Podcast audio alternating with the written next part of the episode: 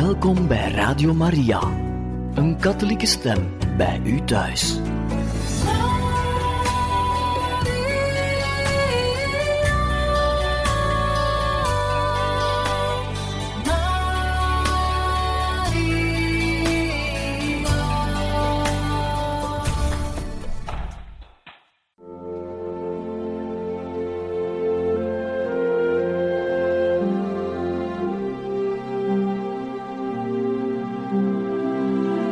Beste luisteraars van Radio Maria, welkom bij het programma Catechismus.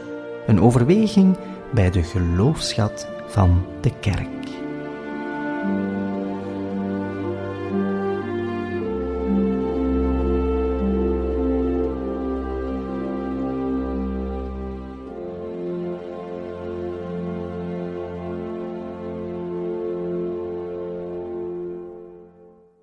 Van harte welkom, beste luisteraars, in het programma Catechismus, waarin u vandaag kan verder luisteren naar de catechese-reeks over zending vanuit de Heilige Schrift, gebracht door pater Michel Copin.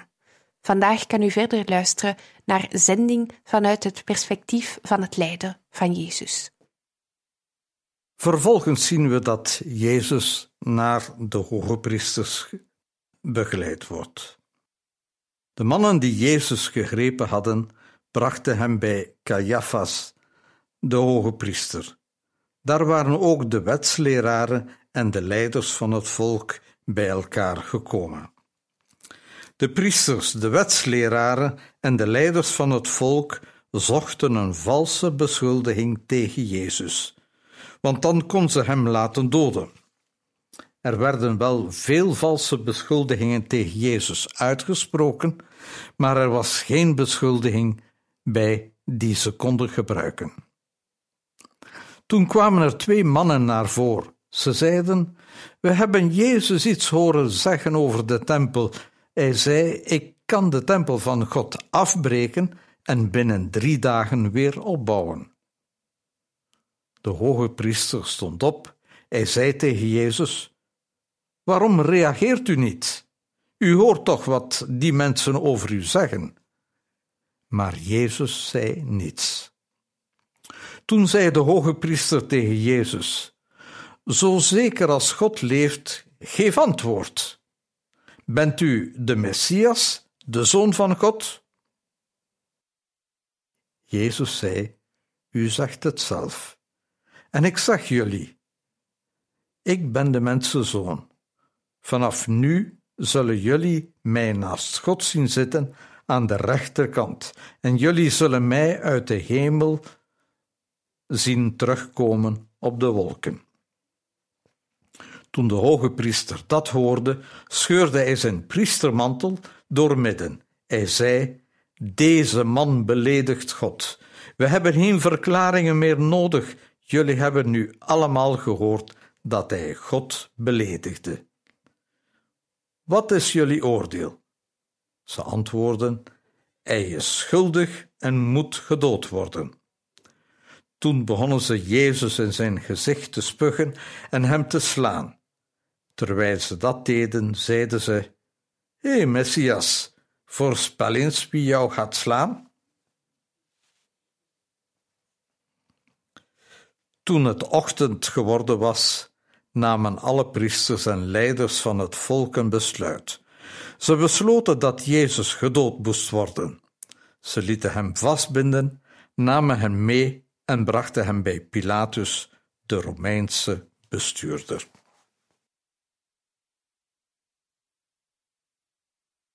Jezus wordt voor de hoogpriesters en de wetgeleerden geleid. Nu zal hij kleur moeten bekennen. Er volgen een hele reeks valse beschuldigingen maar geen enkel was bruikbaar om de doodstraf te, te kunnen uitspreken. Er komt ook de beschuldiging dat Jezus ooit zei de tempel te willen afbreken om hem in drie dagen weer op te bouwen. Ook hier wordt er een beeld gebruikt om de zending van Jezus te kunnen uitleggen. De tempel is de kern, is het centrum van de Joodse traditionele religie. Het is die religie waar Jezus vragen bij stelt, waar Jezus gekomen is, gezonden is om deze te voltooien, om deze een andere dimensie te geven. nu, in het beeld waarbij Jezus de tempel, het centrum van de Joodse religie, wil afbreken, dit beeld staat om het vervangen, het afbouwen van een religie die niet deugddoend was voor de mensen.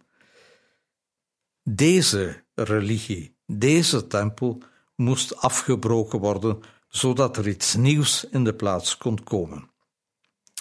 Het is tevens een allusie op de drie dagen van lijden en dood, als een uiterst gevolg van de uitvoering van zijn zending. Maar met de heropbouw van de nieuwe, nieuwe Joodse religie, de tempel die afgebroken wordt, maar waarbij er een nieuwe komt, het gaat dus niet enkel om een afbreken, om een kritiek geven, om een, een Joodse religie weg eh, weg eh, te, te doen cijferen. Het gaat erom om een nieuwe dimensie aan die religie te geven.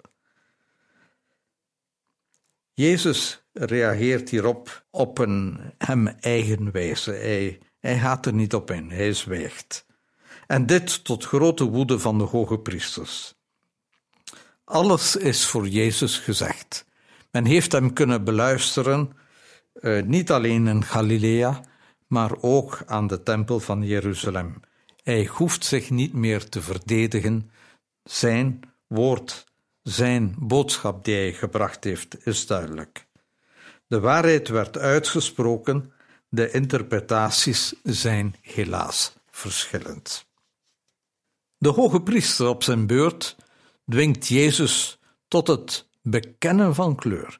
Bent u de Messias? Bent u de Zoon van God?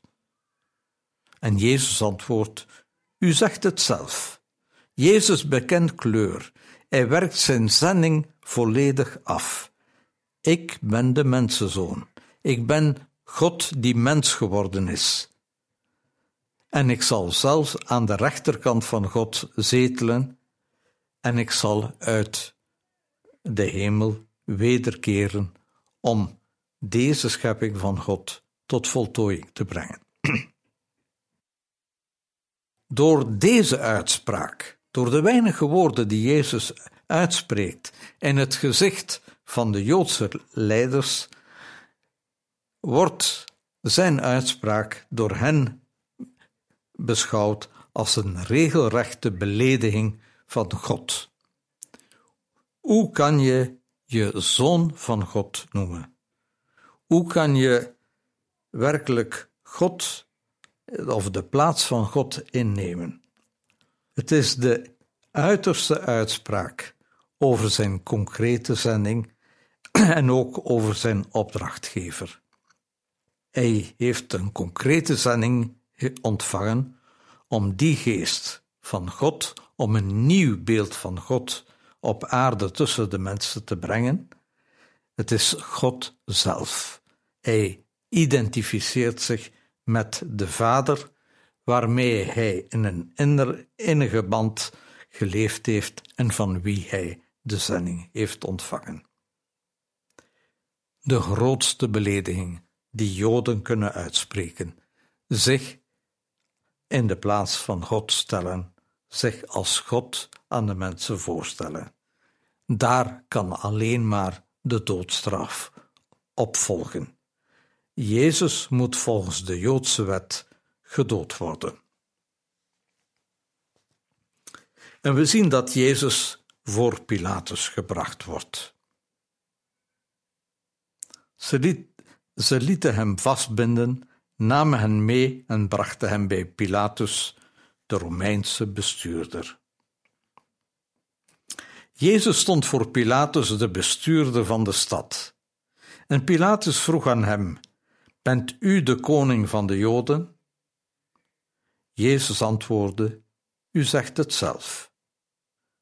De priesters en de leiders van het volk beschuldigden Jezus van allerlei slechte dingen. Maar Jezus zei niets terug. Daarom zei Pilatus tegen Jezus: Ze vertellen allerlei slechte dingen over u. Waarom zegt u niets? Maar Jezus gaf nergens antwoord op. Pilatus was daar erg verbaasd over. Pilatus wist precies waarom de priesters en de leiders Jezus bij hem gebracht hadden. Dat was omdat ze jaloers waren op Jezus. Pilatus zat klaar om een beslissing te nemen, maar op dat moment kwam er een bericht van zijn vrouw: Pas op, bemoei je niet met die man, want hij is onschuldig. Ik heb vannacht een vreselijke droom gehad die met hem te maken had. Toen vroeg Pilatus nog een keer: Wie van de twee moet ik vrijlaten? Nadat de mensen geroepen hadden dat hij, naar aanleiding van het paasfeest, Barabbas moest vrijlaten. De mensen riepen Barabbas. Pilatus zei: Wat moet ik dan doen met Jezus, die de Messias genoemd wordt? De mensen riepen allemaal: Hij moet aan het kruis. Toen zei Pilatus: Maar hij heeft toch niks verkeerds gedaan? Maar de mensen begonnen nog harder te roepen: Hij moet aan het kruis. Pilatus merkte dat de dingen die hij zei niet hielpen. Het volk leek juist in opstand te komen. Daarom pakte hij het wat water en waste zijn handen. Iedereen zag wat hij deed. Toen zei hij: Ik ben onschuldig aan de dood van deze man. Jullie zijn verantwoordelijk. Toen gaf hij het hele volk dit antwoord: Ja, zijn dood is de zaak van ons en onze kinderen. Toen liet Pilatus Barabbas vrij maar hij gaf opdracht om Jezus met de zweep te slaan. Daarna gaf hij hem aan zijn soldaten om hem aan het kruis te hangen.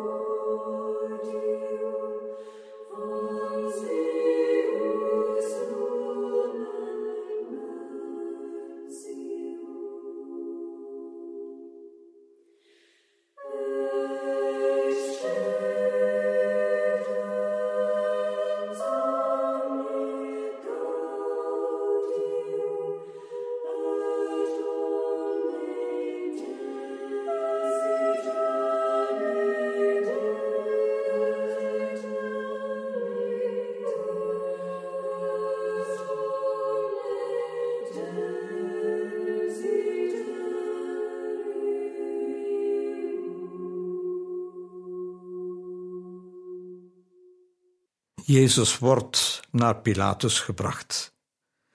En Pilatus vraagt Jezus of hij de koning van de Joden is.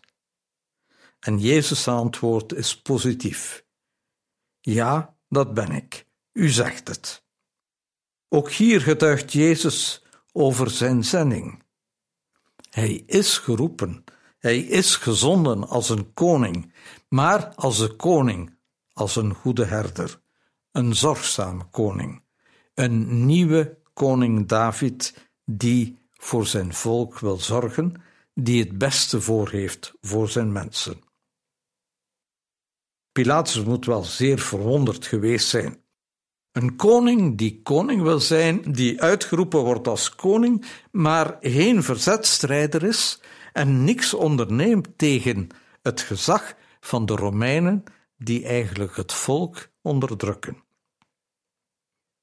Bovendien, een koning blijkbaar zonder onderdanen. Er zijn geen onderdanen die het voor hem opnemen, die hem verdedigen, die hem uit de handen van de Joden weten te houden. Pilatus herhaalt de beschuldigingen die hij gehoord heeft, die de Joden naar Jezus richten. Hij geeft Jezus als het ware de kans zichzelf te verdedigen, maar moet weerom verwonderd staan dat Jezus blijft zwijgen. Pilatus krijgt de kans om een juist oordeel over Jezus te vormen. En bovendien komt zijn vrouw aangedraafd met het bericht dat zij de volledige onschuld van Jezus doorziet. Ook Pilatus ziet de onschuld, maar hij heeft schrik voor de opstand van het volk. Een opstand van het volk zou eventueel kunnen leiden tot zijn afzetting, zou kunnen leiden tot een bloedig optreden. En Rome had Pilatus al op de vingers getikt, omdat hij soms heel vreed had gereageerd bij opstanden van het volk. Pilatus durfde het niet meer om het volk tegen hem in het harnas te jagen. Hij wil geen opstand, hij wil rust, hij wil zijn eigen carrière en de daaraan gepaarde privileges zeker de voorrang geven. Hij wil niet het slachtoffer worden van een innerlijke, een interne religieuze twist tussen een profeet en de mensen van de Joodse traditie. Jezus wordt door Pilatus eigenlijk niet ter dood veroordeeld. Het is een eigenaardige reactie van Pilatus waarbij hij zijn handen in onschuld was. Hij wil duidelijk zeggen: Ik heb geen schuld aan de dood van deze man. En hij hoopt dat met een zweepslag de Joodse bevolking tot, tot voor zich kan winnen. Hij laat Jezus kruisigen, maar misschien met in het achterhoofd de gedachte: misschien hij zal niet onmiddellijk sterven en wie weet zijn er leerlingen die hem van deze dood gaan bevrijden, zodat hij verder kan leven. Maar in elk geval, ik heb ervoor gezorgd dat het niet tot een opstand komt dat mijn eigen, uh, mijn eigen leven, mijn positie niet in het gedrang komt. We zien bij Lucas dat Pilatus Jezus ook naar Herodes stuurt, omdat Pilatus eigenlijk niet begrijpt wat de Joodse religieuze leiders met Jezus voor hebben.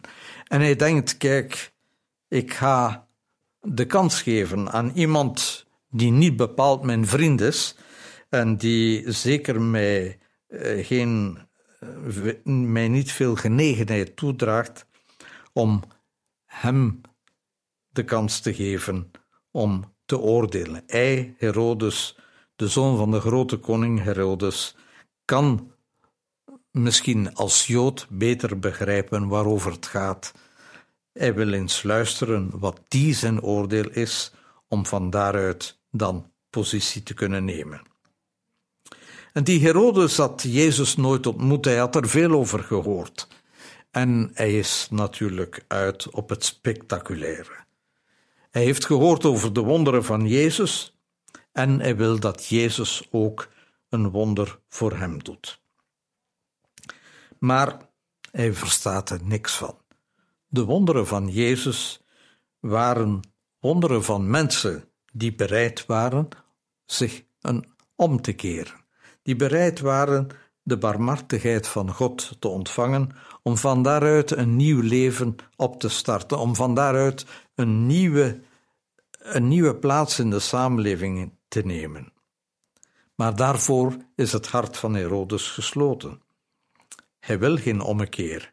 Hij wil in zijn leven van macht en van een, uh, een welvallend leven waar hem niks ontbreekt, hij wil daar uh, dat dit leven verder gezet worden.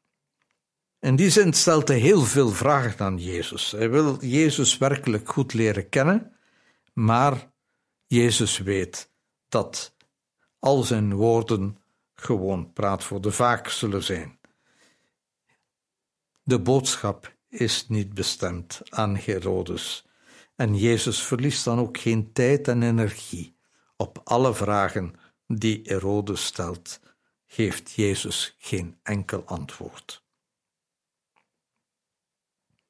Jezus wordt eigenlijk door Herodes beledigd. Hij wil hem uitdagen. Hij wil horen waar het uiteindelijk om, om gaat. En hij laat een koninklijke mantel om Jezus, om Jezus uh, hangen.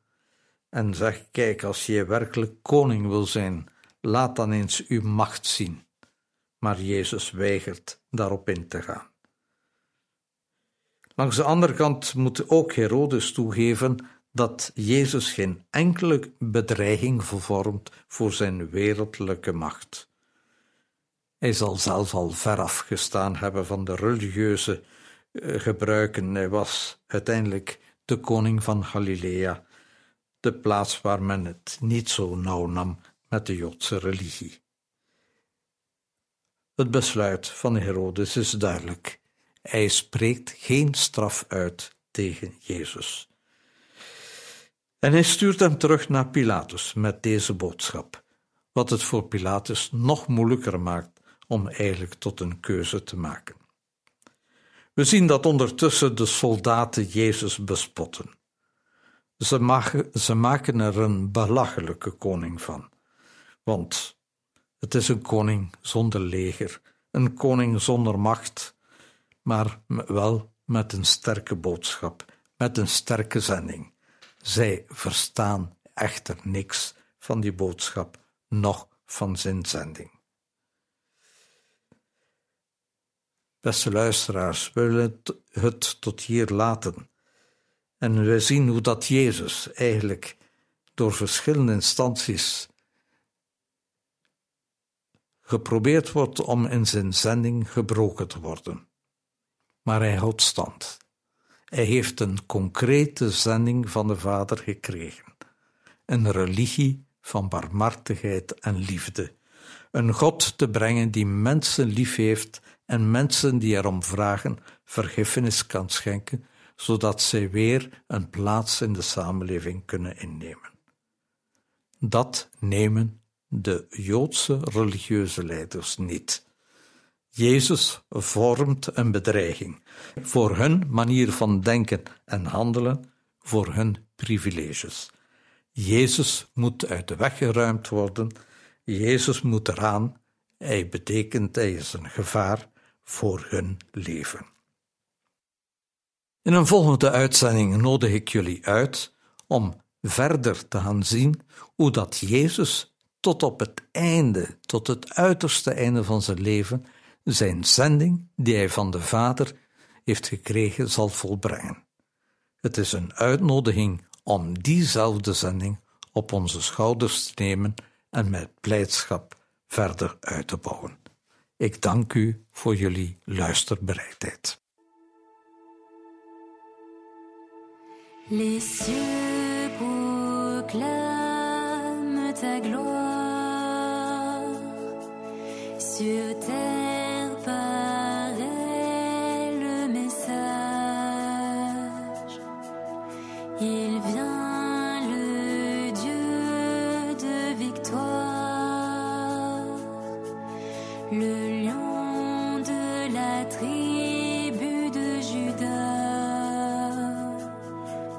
minutes avance, majestueux.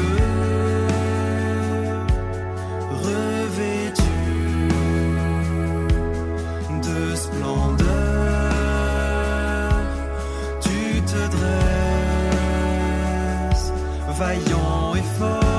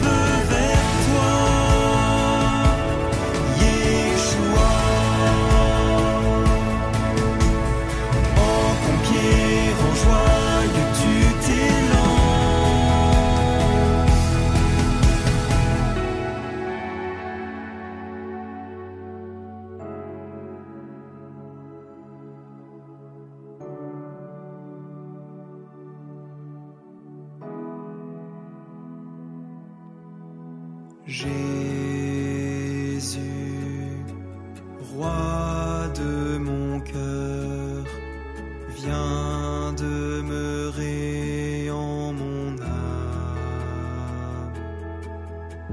Jésus, roi de mon cœur, je